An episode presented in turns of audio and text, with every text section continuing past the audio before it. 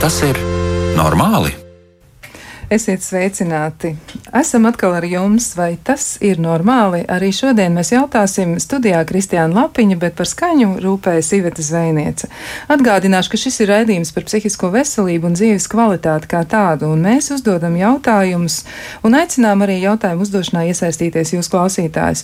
Sūtiet savus vēstījumus uz raidījumu elektronisko e-pasta adresi, vai tas ir normāli at Latvijas radio.lv, un noteikti varat izmantot arī iespēju sūtīt ziņas Latvijas radio mājas lapā atrodot raidījumu, vai tas ir normāls ziņojumu logu.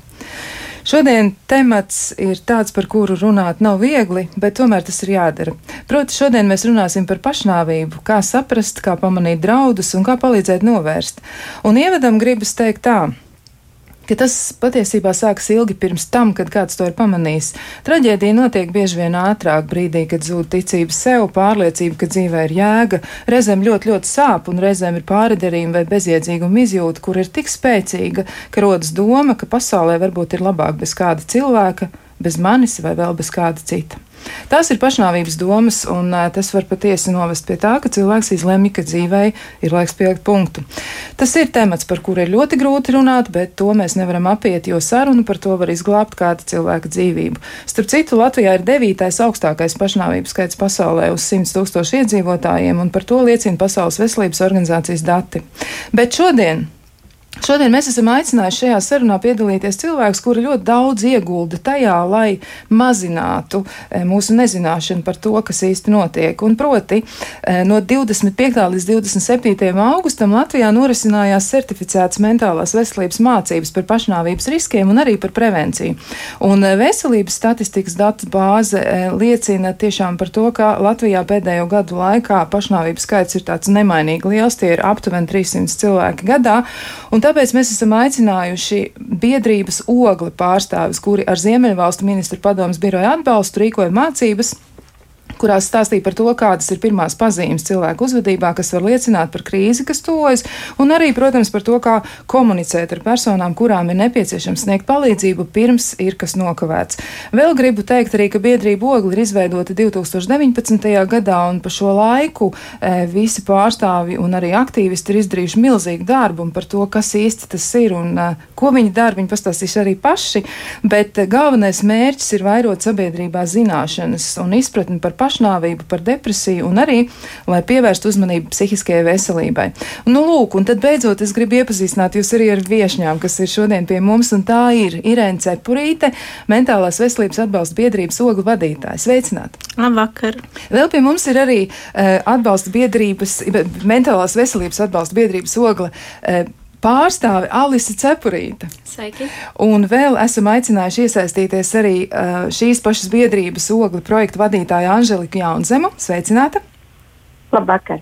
Un vēl arī pie mums ir virtuāli šodien sarunā klāt Zāne Avotiņa, kur ir krīžu un konsultāciju centrs Kalbas direktora, psiholoģija un vienlaiks arī kognitīva behaviorālās psihoterapijas speciālists. Sveicināti! Sveiki! Nu, ko, nu tad um, varbūt mēs varētu sākt ar to, ka es gribētu tomēr jautāt Irēnai Cepurītai par, um, nu, par to, kāpēc būtu cilvēkiem jāzina kaut kas vairāk par šo tematu un kāpēc par to būtu jārunā.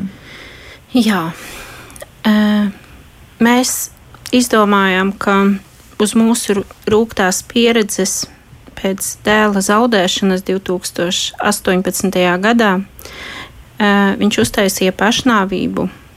Tas bija visiem negaidīti, tas bija šoks gan ģimenei, gan visiem draugiem.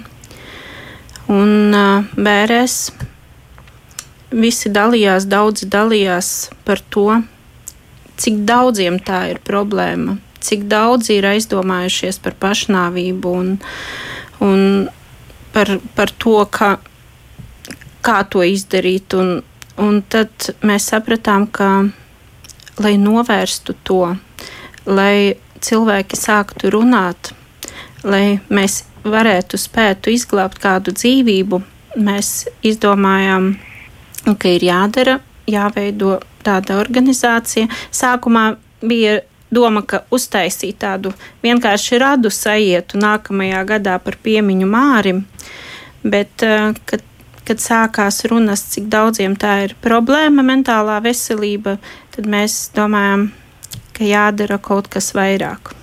Jūs esat ļoti daudz izdarījuši, un jāatzīst arī, ka jūs esat ļoti, ļoti aktīvi. Es pamanīju, ka jūs esat runājuši Lampā, sarunu festivālā, jūs esat arī iesaistījušies ļoti daudzās citās aktivitātēs. Pēc visas spriežot auditoriju, kura ilgojas kaut ko uzzināt vairāk, un kurai ir svarīgi to zināt, ir pietiekami liela. Nu, kas ir tās jūsu galvenās aktivitātes šobrīd, ko jūs varētu varbūt? Nu, nu, šobrīd tikko notika šīs mācības. Varbūt Alisa drusku var tā īsumā pateikt par viņu. Jā, varbūt mēs varam arī tad jautāt uzreiz Alisai Cepurītei, un arī pēc tam noteikti jautāsim arī projektu vadītājai Anželikai Janzimai, bet Alisa varbūt var tad iezīmēt um, mācību saturu. Nu jā, mums šajās apmācībās divos līmeņos notika tieši visu šo, žina, šo zināšanu apgūšana, kur pirmajā daļā tā bija vienas dienas apmācība, četru stundu garumā, safe talk, kur cilvēki iemācījās tieši pamanīt šīs pazīmes, ka kaut kas nav kārtībā un uzdot to jautājumu, vai tieši vai tev ir domas par pašnāvību. Un tas tādā veidā tā sasniedz, saslēdzot šīs dažādās domas un rīcības kopā ar pašnāvības iespējām. Un tad, kad ir saprasts, ka tiešām cilvēkam ir šīs problēmas un šīs domas, tad uh, SafeTalk uh, studenti, apmācītie skolēni, uh, novirza šo cilvēku tālākai palīdzībai vai nu pie psihiatra, terapeita, vai nu pie nākamā līmeņa mācekļiem, kas ir izgājuši asist, kuri jau māk iejaukties, kur viņi ir tieši izgājuši intervenciju.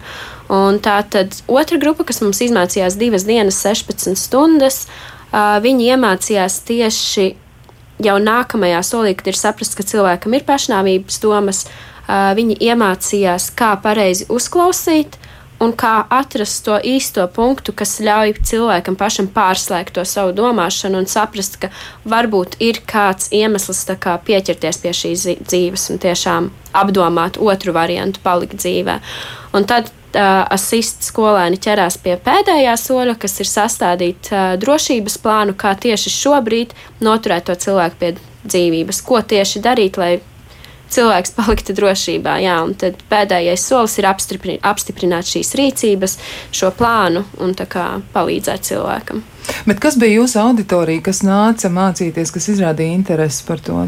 Um, mums viena no galvenajām vēlmēm lai bija, lai tieši šie cilvēki būtu pēc iespējas dažādāki, lai šīs zināšanas tieši nokļūtu pie visiem iespējamajiem cilvēkiem. Un tādēļ mums bija uh, abu dzimumu no sākot ar 18 gadiem, beidzot ar 58 gadiem, dažādos vecumos, un arī profesiju ziņā bija gan speciālisti, kas jau šobrīd strādā ar tādām lietām, bija terapeiti, bija psihologi, bija arī krīžu tālruņu darbinieki, bet tāpat bija pieņemsim, sociālie darbinieki, policisti, bija arī mūziķi, bija menedžeri, bija tetovētāji. Tā ka tiešām ļoti dažādi cilvēki, lai šīs zināšanas izplastos, tā kā lai viņas nebūtu tajā mazajā burbulī starp cilvēkiem, kuriem, pieņemsim, ir tāds darbs ikdienā, bet lai tiešām tā kā aizietu arī tālāk.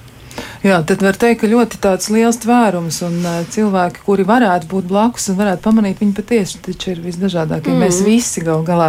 Nu, te es arī gribu jautāt projektu vadītājai Anželikai Janzimai, nu, kā jūs saskatāt šī projekta ieguldījumu un arī varbūt tāds iezīmēt, varbūt tāds virziens uz nākotnē, nu, kā jūs to piedzīvojāt, jo tas ir noticis nu pat un tiešām ieguldījums Latvijas sabiedrības zināšanu paplašanāšanā par pašnāvības draudu novēršanu noteikti ir milzīgs. Ko jūs teiksiet? Uh. Nu, protams, ka tas bija uh, pirmām kārtām tādas mācības Latvijā ir notikušas pirmo reizi, un uh, cepurīšu ģimene un uh, visa mūsu biedrība ir ieguldījusi milzīgu darbu, uh, lai tas viss notiktu. Uh, īpaši šajos uh, apstākļos, kad uh, ir, ir dažādas grūtības rīkot dažādus pasākumus, jā, ka, ka tomēr jāievēro dažādas uh, prasības. Un šis ir cerams, ka pirmais solis. Mēs, mēs plānojam, ka tādas mācības mēs varētu rīkot arī atkārtoti, jo uh, tik un tā, lai arī cik uh, liekas, jau pēdējā laikā ar vien vairāk runā par mentālo veselību, bet tomēr cilvēkiem pietrūkst zināšanu, konkrētu soļu, ko darīt uh, krīzes situācijās. Līdz ar to mūsu plāni, eh, protams, noteikti ir paplašināt uh, apmācības un, un rīkot vēl uh, dažādus citus pasākumus, lai, lai, lai uzlabotu šo situāciju. Izklausās arī, ka interese ir bijusi ļoti liela. Varbūt jūs varat arī raksturot, cik tad uh, ir kopējais tas cilvēku skaits. Varbūt jums ir, jo uh, arī Alise nu pat minēja, ka tie ir ļoti dažādi cilvēki, ļoti dažādos vecumos, bet varbūt jūs varat pateikt, cik tad cilvēki spēja piedalīties šajās mācībās, kuriem, nu, cik daudz bija iespēja. Jā, Alise arī varētu tad, uh, pakomentēt vairāk, jo, jo viņai ir pilnīgi visa informācija par to, cik daudz cilvēku piedalījās. Aha, nu tad Alisai pāradresēsim šo jautājumu. Jā, Alis, nu cik tad bija, cik bija pavisam cilvēku, kas iesaistījās, kas atnāca? Jā, mums abās apmācībās kopumā vidēji tās grupas bija mazliet dažādu izmēru, bet bija ap 20 katrā no grupām. Mm -hmm. Un, un, un bija plānotas varbūt arī mazliet lielākas grupas, bet tiešām arī mēs, mums īstenībā bija grūtības nolasīt tās grupas. Viņas, tos visus cilvēkus savākt, lai tiešām viņiem arī būtu atbilstoši un lai viņi būtu ieinteresēti un tā tālāk. Bet nu jā, tās grupas bija. Bija tik lielas, cik viņas bija, un bija arī vērtīgi un vieglāk strādāt tieši, jo tur bija ļoti daudz praktiskā darba un tad strādāt pāros un tā tālāk. Tādas ļoti interaktīvas ja, un iesaistītas mācības. Jā, nu te es gribu arī iesaistīt sarunā Zani Avotiņu. Atgādināšu, ka viņa ir krīžu un konsultāciju centra skābas direktora un gribu Zanai jautāt, nu joprojām tiešām pašnāvību skaits Latvijā ir, diemžēl, ir, ir augsts un uh, ir noteikti mums kaut kas jādomā un jādara, lai mēs mazinātu draudus, kas ir cilvēkiem un arī pamanītu uzvedību, kas varētu liecināt par to, ka cilvēkam ir pašnāvnieciskas domas. Kas ir tas, kam būtu jāpievērš uzmanība? Uzmanība no tāda profesionāla viedokļa raugoties? Mm, sāks droši vien ar to, ka klausoties, mm, ko stāsta sarunas uh, biedri par apmācībām, ir ļoti patīkami to klausīties, jo, uh, jo vairāk mēs uh, zinām katrs, jo vairāk mēs uh, esam pietiekami droši ar šo tēmu, kas ir saistīta ar pašnāvību, jo no tās tiešām gribas varbūt drīzāk turēties pa gabalu. Tas tiešām šķiet ļoti patīkami un arī iedvesmojoši. Es domāju, arī visiem tiem, vai vismaz daļai tiem, kas, kas varbūt arī šovakar klausās šo te, mūsu sarunu, ne, nenobīties un apgūt kaut kādas zināšanas un prasmes, lai atbalstītu cilvēkus, kas var saskarties ar šo domu vai arī pat tiešām reāliem plāniem. Droši vien nevar noliekt, ka tā statistika kas šobrīd ir, tā arī parāda, ka tā problēma tā īsti nekur negrasās pazust. Un uh, arī dzīves laikā, man liekas, uh, katram no mums reiz pa reizē var uh, ienākt prātā šī doma, ka, kā tas būtu vai ko es darītu, ja gadījumā man dzīve liktos bezjēdzīga. Un, protams, ja mēs domājam par tām pazīmēm, kas tad ir tās pirmās pazīmes, uh, kas var liecināt par uh, to, ka cilvēks apsver šādu iespēju un apsver to ļoti no, nopietni, tās ir šīs te, uh, runas par dzīves bezjēdzīgumu par smagumu, par atvieglojumu sajūtu, tad, ja uh, manis vairs nebūtu par tādu savas nastas, savas nastas uh, redzējumu, ka es esmu kā nasta vai apgrūtinājums kādam citam. Un, protams, arī tādas uzvedības lietas nereti var novērot un, un jau saulaicīgi ieraudzīt uh, uzvedībā, kā piemēram uh, šī savu lietu atdošana, vai arī izvairīšanās vai norobežošanās no tām lietām un tām aktivitātēm, kas iepriekš ir bijušas tādas ļoti nozīmīgas eh, šim cilvēkam un ir bijušas svarīgas. Tā kā tāda tiešām uh, reizēm šī runāšana. Un uh, droši vien jāpiebilst, ka uh, ir, protams, gadījumi, kad cilvēks nāk un saka, ka uh, nu, kad es gribu izdarīt pašnāvību, bet biežāk tie ir tie izteicieni, kas varbūt no otru, kas to klausās, uzliek uz pauzes vai liek varbūt nu, novērsties, kad jā, šis savs dzīves smagums savs dzīves bezjēdzīgums un, un, un tiešām šī te, mm, nu, bezcerības sajūta, kas ir ļoti smagnēja un, uh, un uh, no kuras ir grūti atbrīvoties. Jā, izklausās ļoti, ļoti daudzas un dažādas lietas tam varētu būt par pamatu. Un viens no jautājumiem arī no klausītājiem, nu kādi ir būtiskākie cēloņi, vai vispār var runāt par būtiskiem cēloņiem, jo man liekas, ka ja reiz tas ir devītais rādītājs, tātad pēc Pasaules veselības organizācijas datiem, nu, augstākais, ja, un tas nozīmē, ka tur ir ļoti daudz iespējamo cēloņu, kāpēc cilvēks varētu nonākt līdz šādām domām. Tas nebūs droši vien saistīts tikai ar kādu atsevišķu krīzi vai ar ko citu zane, vai būs kāds komentārs par šo, nu, cik dažādi varētu būt cēloņi? Es domāju, ka tieši tik dažāds tas cēlonis arī ir. Gan šīs ielgušās krīzes, no kurām ir grūti uh, izkļūt. Uh, Tieši dēļ tā, ka varbūt cilvēkam nav bijusi iespēja, vai varbūt nav bijusi, nu, kā, es pat negribu teikt, ka drosme nu, vērsties pēc kādas papildus palīdzības, jo uh, īsti arī nevar pārmest uh, tikt, nevis tikt, bet aiziet, palūgt savu palīdzību, tas bieži vien ir ārkārtīgi sarežģīti. Un reizēm arī tas ceļš, kas ir ejams, nu, viņš nav tik vienkāršs. Jo mums uh, gribās saņemt tādus ātrus un varbūt reizēm arī vienkāršus risinājumus, bet uh, bet eh, patiesībā tas ir reizēm arī tāds ļoti smagnējs un garš ceļš. Reizēm tā doma seko cilvēkam patiesībā visu mūžu, un uh, tie cilvēki dzīvo dienu no dienas. Un, un runājot arī par tādām akūtām krīzēm, nevar noliegt, kad arī tās reizēm var būt par iemeslu, tīpaši tad, kad cilvēks piedzīvo kādu smagu tādu dzīves satricinājumu, nu, kas tiešām pagriež to ikdienu kājām gaisā. Mm, nu, piemēram, nu, kas man nāk tāds pirmais prātā, nu, kur, kur tiešām tas satricinājums ir nozīmīgs, kad mammas zaudē savus bērnus. Un, un, un tad nereti tā doma atkal ir tāda ļoti ātra, nu, tas ne, nepār, nu, nepārauga.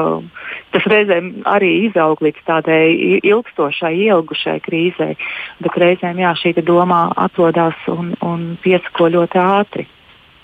Jā, tā tad tā mēdz būt. Man jautājums arī būs atkal nu, biedrības ogle pārstāvēm, kurām pašām tiešām ir ļoti nozīmīga pieredze, ļoti traģiska, sāpīga un nopietna pieredze saistībā ar šo visu. Un kas ir jūsu novērojumi, kad jūs arī runājat ar tiem cilvēkiem, kas nāk? Mācīties, kas nāk klausīties, kas grib saprast, kas ir tas, ko jūs esat pamanījuši, ko visbiežāk cilvēki vaicā, ko viņi grib noskaidrot, kas ir tās viņu domas par to, ko viņi gribētu saprast. Alis. Jā, laikam galvenais būtu tieši tas, ka kā palīdzēt, kā rīkoties, jo bieži vien pat, ja, ja tiek novērotas šīs pazīmes, uzved, uzvedības izmaiņa un, tā, un tāda veida, ka cilvēkam ir bail uzdot to jautājumu, vai tev ir pašnāvnieciskas domas, jo ir arī bail no atbildes.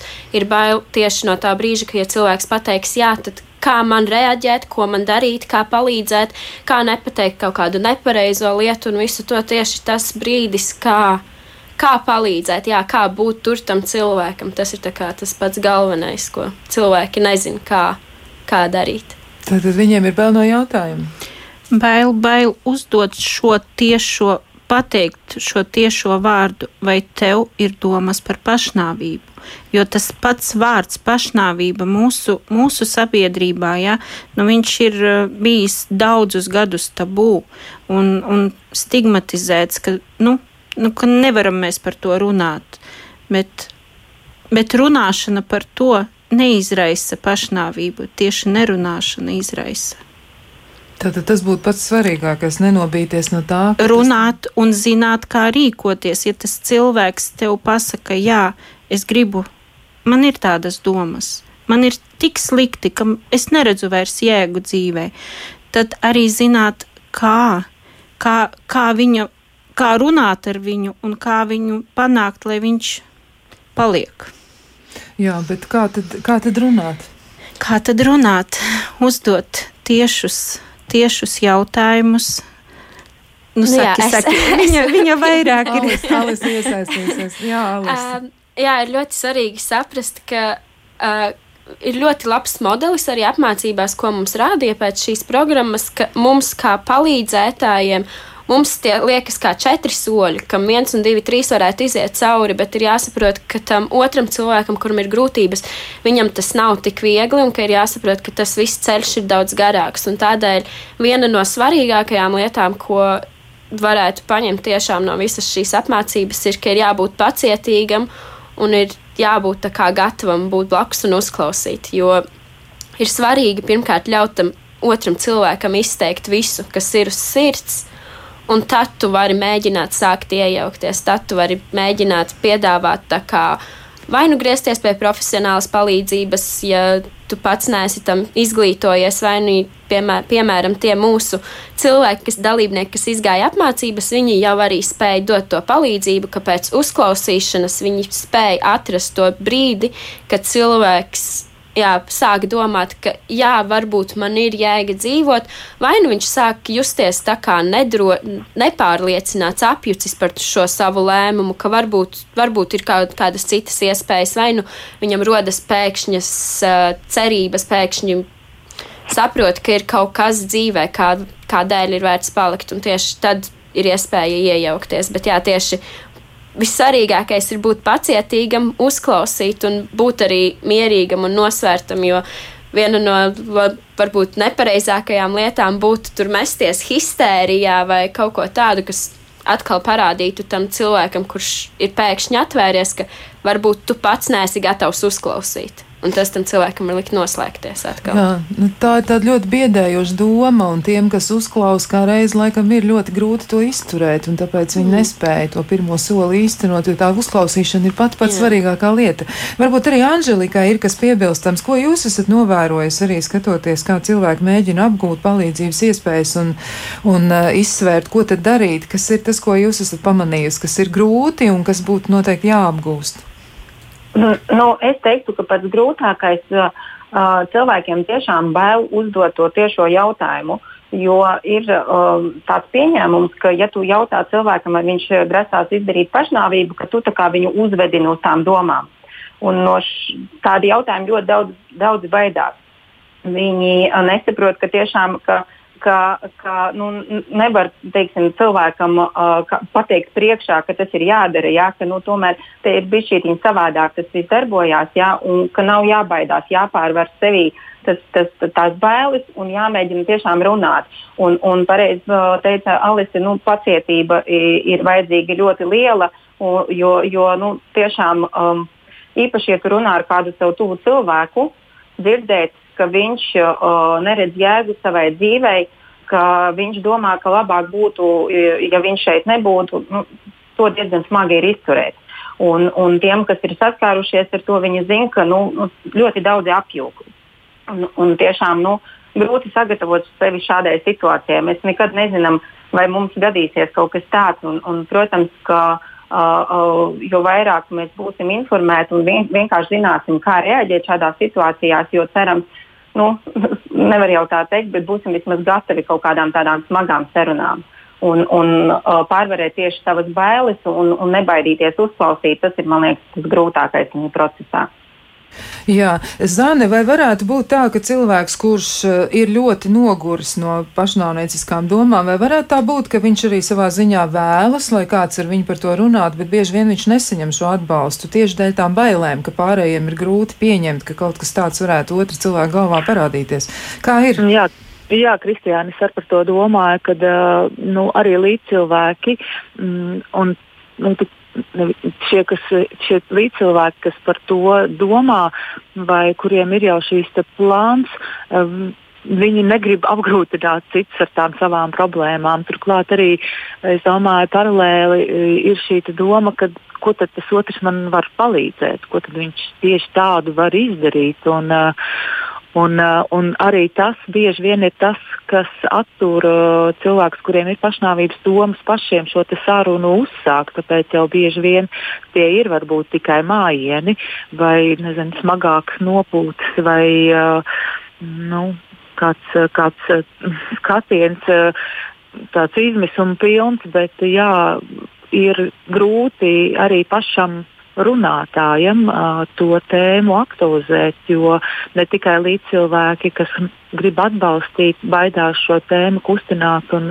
un saukt to vārdā, bet arī pašam kurš cieši nezinu, no depresijas vai no šīm domām, arī pašam ir to grūti runāt, jo, jo ir noteikti arī ārkārtīgi liels bailes, kas tad notiksies vai kas, kas man kas ar mani būs, ja es to sākšu um, stilā, jā, vai varbūt paliks vēl sliktāk un, un liksies, ka tas būs nenovēršams. Bet pilnīgi noteikti var piekrist arī visām runātājām, ka tieši tā saruna ir tā, kas mazina to iekšējo vientulību un iekšējo spriedzi.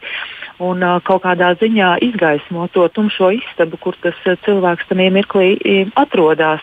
Var izpētīt, var apskatīt to to problēmu. Un, uh, bieži vien jau tā pašnāvība pati par sevi nav uh, problēma šiem cilvēkiem, bet tieši viss tas, kas ir noticis uh, līdz tam brīdim, kad, kad tā doma ir parādījusies, ir tā, kas ir tā patiesā īstā grūtība.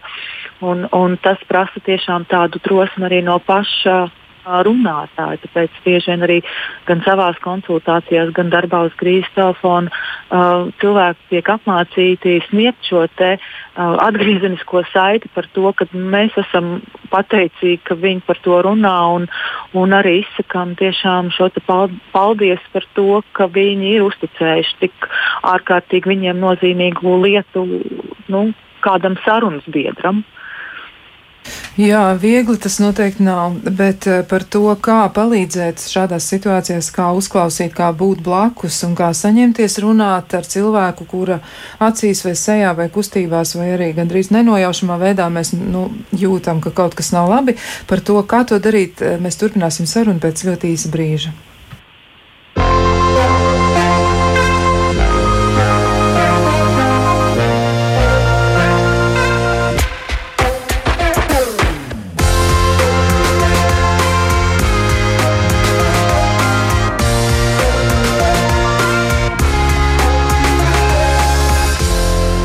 Vai tas ir normāli? Mēs esam atpakaļ un turpinām sarunu par to, kā palīdzēt cilvēkiem, kuriem ir pašnāvības domas, un kā izdarīt visu, lai pasargātu cilvēks no pārsteidzīgiem lēmumiem un tomēr dot iespēju pieķerties dzīvei un turpināt ceļu, iespējams arī uz daudz, daudz labāku sevis izpratni un arī varbūt uz kādu problēmas atrisinājumu. Bet vēl gribu atgādināt arī, ka raidījuma laikā mēs atbildām uz jūsu jautājumiem, un jūs varat tos iesūtīt e-pastā, vai tas ir normāli at Latvijas radio.lv, un noteikti varat arī izmantot ziņojumu logu Latvijas radio mājaslapā. Un vēl atgādinājums, jūs varat klausīties arī podkāstu šādu pašu nosaukumu, kuri jau ir ierakstīti, un tos jūs varat atrast Latvijas sabiedrisko mēdīju mājaslapā. Podkāsti ir par dažādiem tematiem, un tur ir iesaistījušies dažādi cilvēki ar savu problēmu izklāstu. Savukārt, ja jūs vēlaties piedalīties podkāstu ierakstā, tad arī jūs varat rakstīt uz to pašu e-pasta adresi, vai tas ir normāli atlatvijas radio.lv. Mēs ar jums sazināsimies, un tad jau arī vienosimies, kas tad ir tas jūsu temats, par ko jūs gribētu parunāt. Bet atgriežoties pie temata, vēlreiz eh, gribu jautāt arī mm, biedrības ogli pārstāvēm. Nu, jūs eh, noteikti arī varat vēl komentēt to, nu, kas ir tas, ko jūs ieteiktu. Uh, pamanīt, vai kam jūs ieteikt pievērst uzmanību? Kas ir tas, ko jūs noteikti uh, varat pateikt cilvēkiem, kas būtu jāpamana? Nu jā, varbūt varētu, varētu teikt to, ko mēs nepamanījām, kas ar to cilvēku notiek, kas notika ar Māriju. Ja? Viņš pēkšņi viņš vienmēr bija dzīvespriecīgs, sportisks un vienmēr draugi ap viņu. Bet viņš pēkšņi izdomāja, nē, viņš brauc projām uz Latviju no Norvēģijas. Mēs dzīvojam Norvēģijā. Un, un pirmais, kas notika, viņš izdzēsa savu Facebook. Facebook um, visu kontu. kontu jā. Jā. Uh, viņš pārstāja, pārstāja sazināties pa telefonu nu, tas kaut, kā, kaut kādas savādas lietas, kas sāka notikt ar viņu. Bet, nu, nu liekas, nu, mazums, kas kaut kā. Nu, Mēs to nesapratām, mēs to nezinājām tolaik. Ar šīm zināšanām, ko mēs tagad esam izgājuši, mēs noteikti būtu pievērsuši lielāku uzmanību. Un, um, cilvēka uzvedības maiņa, viņam, viņam, viņam bija nu, krasas tādas, um, krasas. Uh, uzvedības, eh, tad viņš bija priecīgāks, tad viņš bija atkal nomākts, un, un ko mēs arī varbūt neievērojām. Un, jā, nereaģējām uz to, bet nu, nekad nebūtu ienācis prātā nevienam no tuviniekiem un radiem, ka viņš var kaut ko izdarīt. viņš var izdarīt pašnāvību. Tātad jums bija tas, ka jūs pamanījāt tomēr kaut kādas izmaiņas, bet jūs es... izskaidrojāt to. Nu, nu, nu, jā, nu, kaut kas eh, dzīves izmaiņas izšķīrās ar draudzeni. Nu, nu, nu, nu, tur, tas liekas tā jā. ļoti, ļoti iederīgi reizēm. Jā, ja tā jaunietis, dabiski, jā, grib mainīt kaut ko. Nu, tas tā. Jā. Nu jā, un svarīgi būtu pie, pieminēt, ka vienmēr ir jābūt gatavam tam, ka jebkurš cilvēks varētu būt pašnāvniecisks, jebkuram cilvēkam varētu būt tādas domas, jo mēs nekad nevaram zināt. Nav tā, ka tikai depresīvie cilvēki, kas sēž mājās un nelien ārā no gultas, bet tas var būt vissmaidīgākais, vispriecīgākais cilvēks. Vienkārši, ka ir jābūt gatavam tam, ka pašnāvības var būt jebkur, un vienkārši ir jāpievērš uzmanība. Ja tu redzi kādas izmaiņas, uzvedībā vai vienkārši jā, kā cilvēks run, runas veidā kaut kā tādā, vai pat intuīcija. Ja tu jūti, ka kaut kas nav labi, tad labāk ir paprasīt vienu reizi par daudz, nekā nepaprasīt un būs par vēlu. Jo, ja tu paprasīsi un tu būsi kļūdījies, viss, kas būs noticis, būs, ka tu parādīsi, ka tev tiešām rūp tas cilvēks un ka tu uztraucies. Jā, tā tad saņemties pašam vajag Jā. un uzdot to jautājumu, par kuru mēs jau runājām iepriekš. Man arī gribētos jautāt Zanai e, šobrīd, nu kā ir, jo patiesi ir būtiski paturēt prātā to, ka nevienmēr pašnāvnieciskas domas ir saistīts, piemēram, ar nomāktību vai depresiju. Tas varbūt saistīts arī ar kaut ko citu. Varbūt tu vari arī sīkāk raksturot, kā tas mēdz būt, ka cilvēks turpina smaidīt, turpina jauki uzvesties un būt atsaucīgs, un tomēr viņam šīs domas var būt. Jā, droši vien. Mm, tas, ko jau es iepriekš minēju, ka tās domas par pašnāvību, tās jau tiešām mums katram mēdz būt kādos dzīves posmos, vai pat uh, pavisam neviļus var iezakties prātā, nu, kā, kā tas būtu. Un tas nebūtu uzreiz neliecina nu, par to, ka visi sej un dara šo pašnāvību. Šie ieilgušie stāvokļi ir daudz bīstamāki, vai arī šī, šī te, mm, vajadzība atgriezties pie tās domas biežāk un biežāk. Un, uh, tas ir tas, kas droši vien uh, padara to situāciju tādu uh, asāku un tādu intensīvāku. Kā zināms, arī ir daudz šīs te, nu, riska grupas, bet cilvēki, kur sirk, cilvēkiem, kuriem sirgst ar, ar depresiju, piemēram, arī jaunieši, kas ir ļoti dēļ savu vecuma posmu īpatnībām impulsīvi. Viņi patiesībā ir viena arī no šīm riska grupām, kas um, samērā bieži arī tiek uh, uzskaitīti kā pie pie riska izdarīt pašnāvību, jo tas garstāvoklis, svārstīgums, mānbalta domāšana un, un šī emocija maiņa straujā, nu, tā reizēm var novest arī pie tāda ātra un varbūt neapdomāta uh, lēmuma. lēmuma jā. Varbūt tu vari arī mazliet iezīmēt to, ka tomēr, nu, runājot par pieaugušajiem un pusauģiem, tur ir zināmas atšķirības, jo pusaudzis un jaunietis var būt impulsīvāks savu lēmumu pieņemšanā un attiecībā uz pieaugušajiem parasti ir pieņemts domāt, ka viņi ilgāk auklē šo domu, eh, un tas ir saistīts ar tādām ļoti, ļoti ilgstošām grūtībām. Varbūt tomēr tu vari pateikt arī, nu, kā tad atšķiras eh, šīs vecuma grupas un kas tur ir tās būtiskās lietas, kam pievērst uzmanību.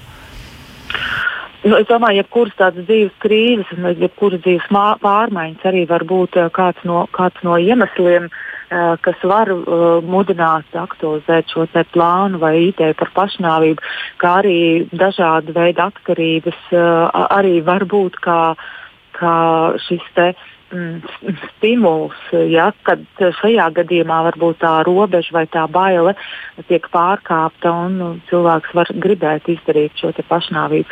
Jā, dažādas tiešām arī mm, personiskās dzīves krīzes var būt eh, tas, kas pamudina virzīties pašnāvības domas virzienā. Jā, nu, vēl es gribu arī vaicāt uh, Irēnai Cepurītē. Jūs teicāt arī, ka tajā brīdī, kad, uh, nu, kad, kad uh, draugi rādi paziņas atvadījās no jūsu dēla, jūs teicāt, uh, ka viņi pēc tam ir teikuši, ka ļoti daudziem, daudziem no viņiem ir bijušas šīs domas. Un, uh, Saistībā ar ko? Vai bija kāds arī, kas minēja to, kā viņš ir nonācis līdz kam tādam, ja tas patiesi pārsteidz, cik ļoti daudziem cilvēkiem dzīves laikā šādas domas ir galvā bijušas, un par laimi viņi nav to realizējuši, bet uh, tas ir bijis klātesoši. Jā, to vairāk jaunieši dalījās. Varbūt Dalis vairāk arī pastāstīs, jo, jo reāli, reāli, ši, reāli šī, šī visa notikuma iniciatori bija jaunieši, jo tas notika ar Māri un, un viņi savā starpā runāja, kā, kāpēc, kāpēc tā varēja notikties.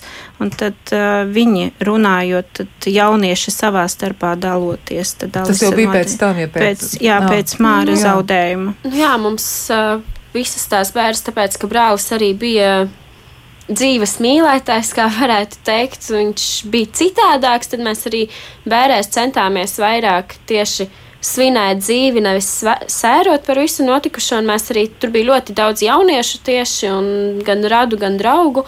Un mēs arī visiem teicām, ka kā, ir svarīgi runāt, un, ja kas var nākt arī pie mums runāt un būt. Un arī man šķiet, ka visā tajā notikumā sajūtās cilvēki drošāk un tā, un tad bija, ka tiešām ļoti daudz gan uh, vienkārši draugi, gan radinieki, gan cilvēki, par kuriem nekad nevarētu iedomāties, ka viņi atnāk un pasaka, vai mēs varam paiet maliņā parunāt, un kā atzīstās, ka jā, viņiem ir vai nu izteikta depresija, un neviens par to nezina īsti ne ģimenē, nekā vai nu ir, piemēram, pašnāvnieciskas domas, vai jau ir bijuši pašnāvības mēģinājumi, bet ka viņi uzskata, ka tas ir kaut kas tāds, ar ko nekādā gadījumā nedrīkst dalīties.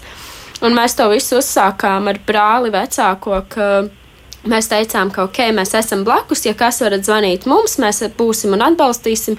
Un mēs sapratām, ka mēs, esot divi cilvēki, nevaram palīdzēt visiem, un ka mums ir uh, pārāk grūti pašiem, lai būtu tam vienam kontaktu cilvēkam. Bet arī uzsverot to, ka mēs visu laiku gribējām, lai cilvēki dalītos, uzrādījās ar vienu vairāk un vairāk cilvēku, kas arī pēc bērniem gribēja dalīties. Un tad arī dzima šī ideja par ogli, ka problēma ir tik daudziem, ka mums vajadzēja atrast veidu, kā mēs varam palīdzēt pēc iespējas vairāk cilvēkiem. Un ne tikai savā lokā, bet tiešām visiem apkārt, kas ir vientuļi vai kas vienkārši baidās runāt ar apkārtējiem. Vai, jā, tā. Un tā dzima festivāla soga un pēc tam visas arī pārējās lietas, ko mēs darām. Jā, starp citu, klausītāji var atrast jūsu biedrību ogli pēc vārda, pēc nosaukuma, var meklēt, un jūs atradīsiet ļoti daudz informācijas, jo tiešām biedrība veic milzīgu darbu, ļoti, ļoti būtiski ieguldījumu cilvēku izglītošanā un arī zināšanu paplašināšanā par to, kas notiek, kas būtu jāzina, par ko būtu jārunā, par ko reizēm ir tik ļoti bail. Mm, vēl arī gribu apjautāties Anželikai Janzimai. Kā jūs eh, domājat, nu, kam vēl vajadzētu šīs zināšanas paplašināt? Jo mēs atkal un atkal domājam par to, par profesionāļiem, kuri runā par, par krīžu uh, telefonā strādājošiem cilvēkiem, par psihologiem, psihoterapeitiem, bet kam vēl vajadzētu vairāk zināt par šiem iespējamiem draudiem, uzvedības atpazīšanu un palīdzības iespējām? Kāds ir jūsu viedoklis?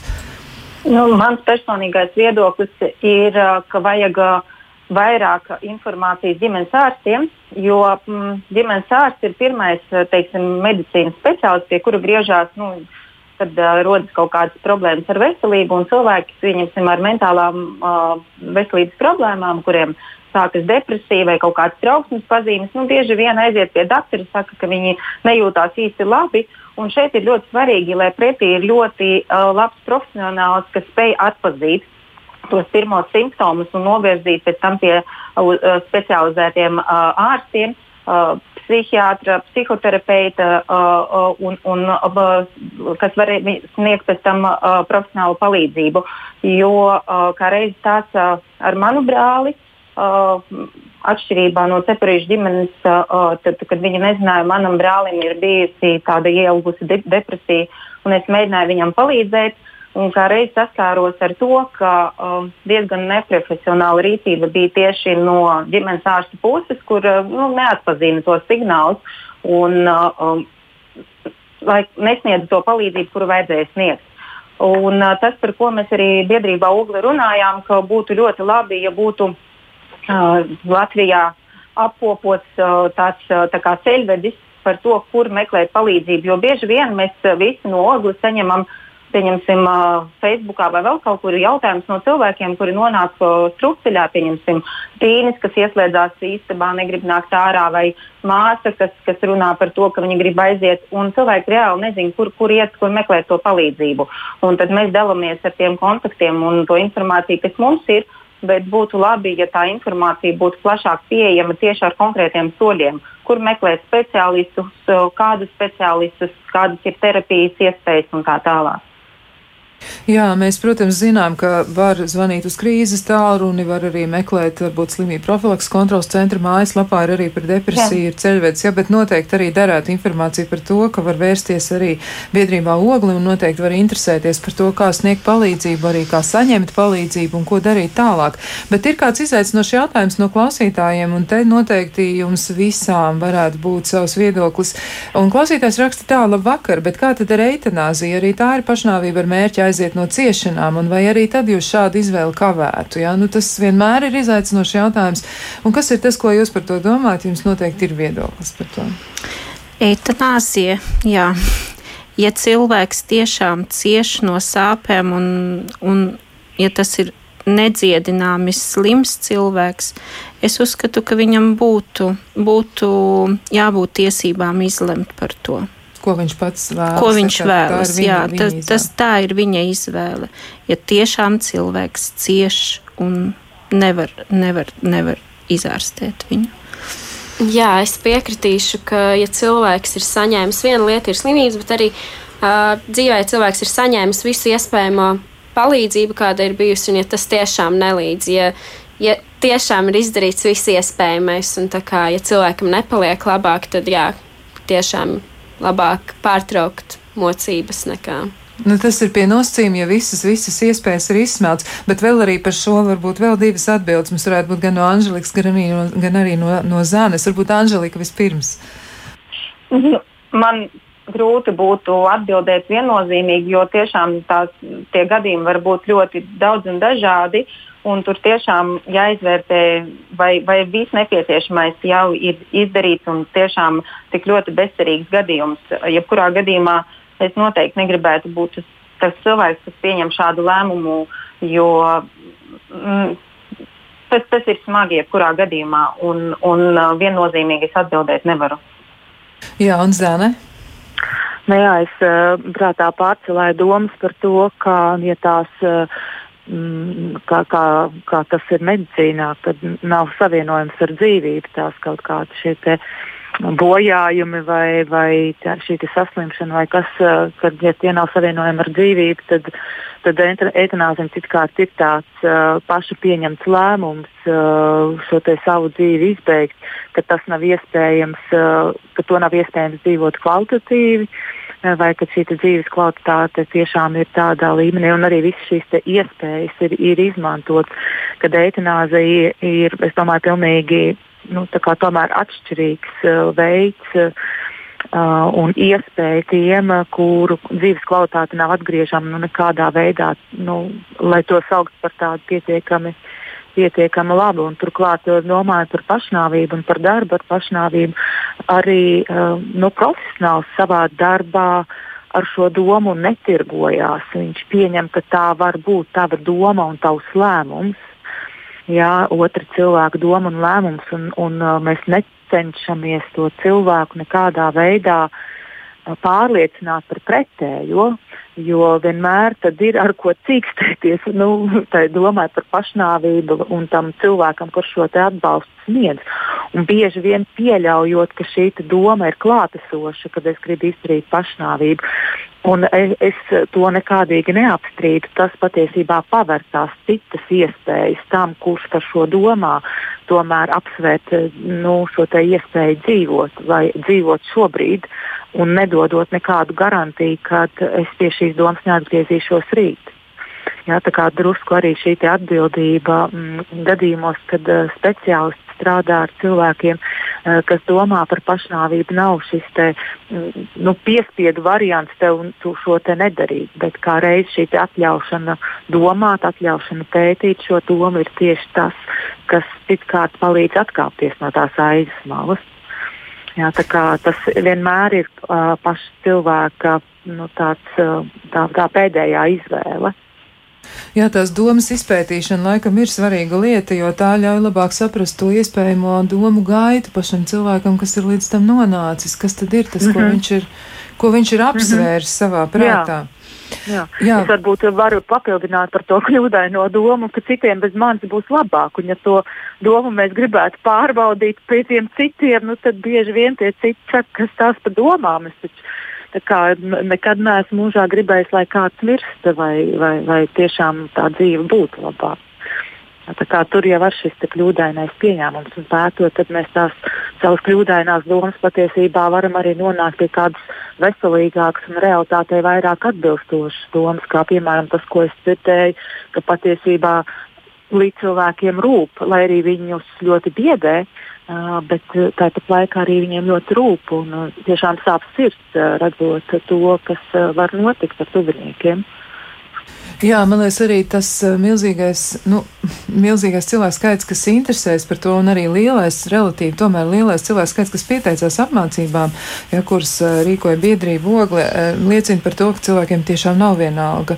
Un tie taču ir tik dažādi cilvēki, jo tie ir cilvēki, kas gan ir, gan nav saistīti pieredzes veidā ar pašnāvības draudiem vai pašnāvību, ko viņi ir, mm, nu, kaut kur kaut kur viņi par to ir dzirdējuši. Es arī lasīju datus, ka Latvijā laikam katram trešajam Latvijas iedzīvotājam ir ziņas par to, ka kāds ir par to vai nu domājis, vai arī ir ziņas par to, ka nu, kāds cilvēks to ir izdarījis.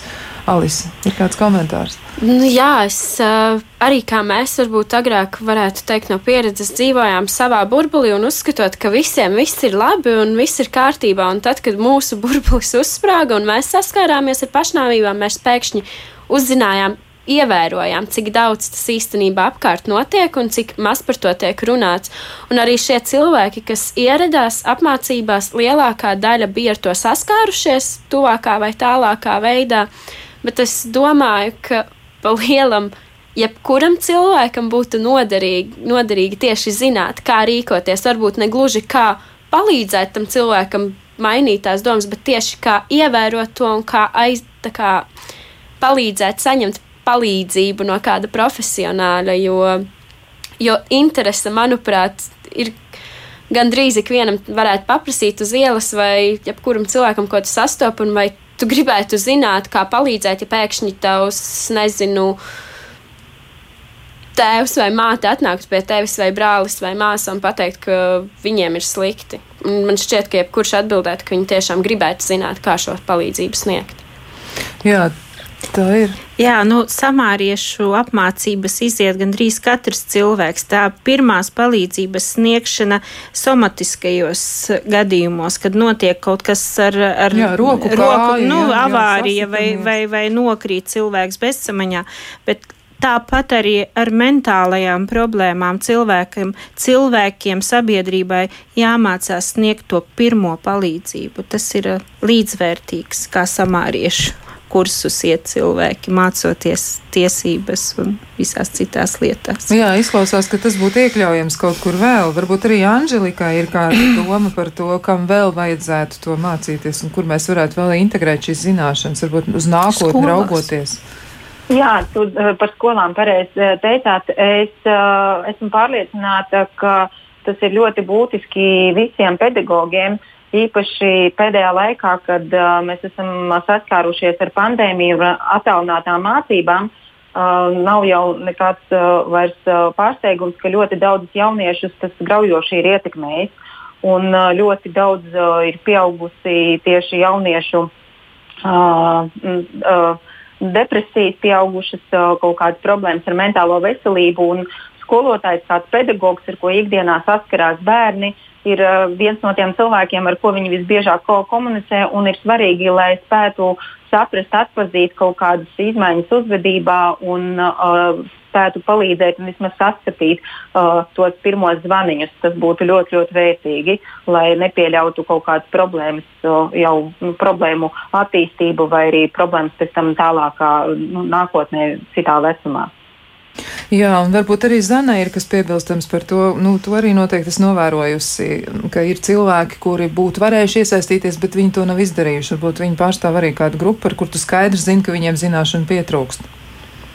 Nu, es uh, domāju, līdzīgi kā par to pirmo palīdzību, kā principā ik viens uh, šo te varētu zināt, un tas būtu ļoti noderīgi ikdienā kā vēl viens tāds instruments, uh, un arī tāds, es teiktu, katra sevis tāds iekšējā spēka stiprinājums, ja, kad es nebaidos vai es nenobīstos, tad, ja es sadzirdu vai saredzu kaut ko, kas man patiesi mūsina, jo, jo daba jau arī ir parūpējusies par to, ka mums gribās izvairīties no tām nepatīkamajām lietām, no nepatīkamajām emocijām un, un gribētos no tā turēties pa gabalu, neredzēt un nedzirdēt, kas notiek apkārt.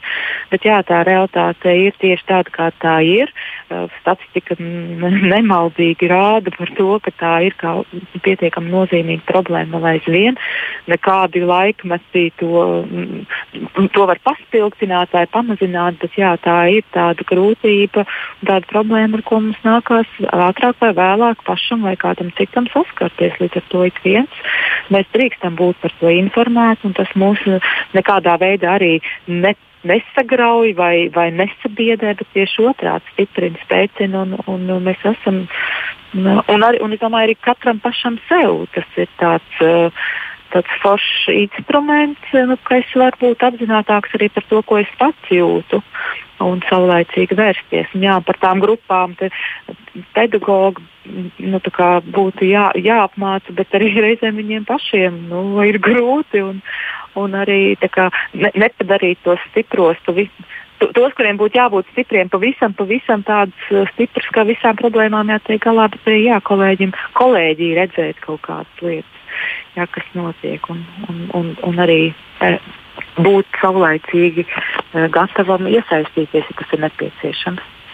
Izklausās, ka tas ir pats pats eh, būtiskākais, jā, šobrīd iesaistīties saulēcīgi tad, kad tas ir nepieciešams. Vispirms jau pamanīt un eh, ne tikai skatīties, bet arī saredzēt.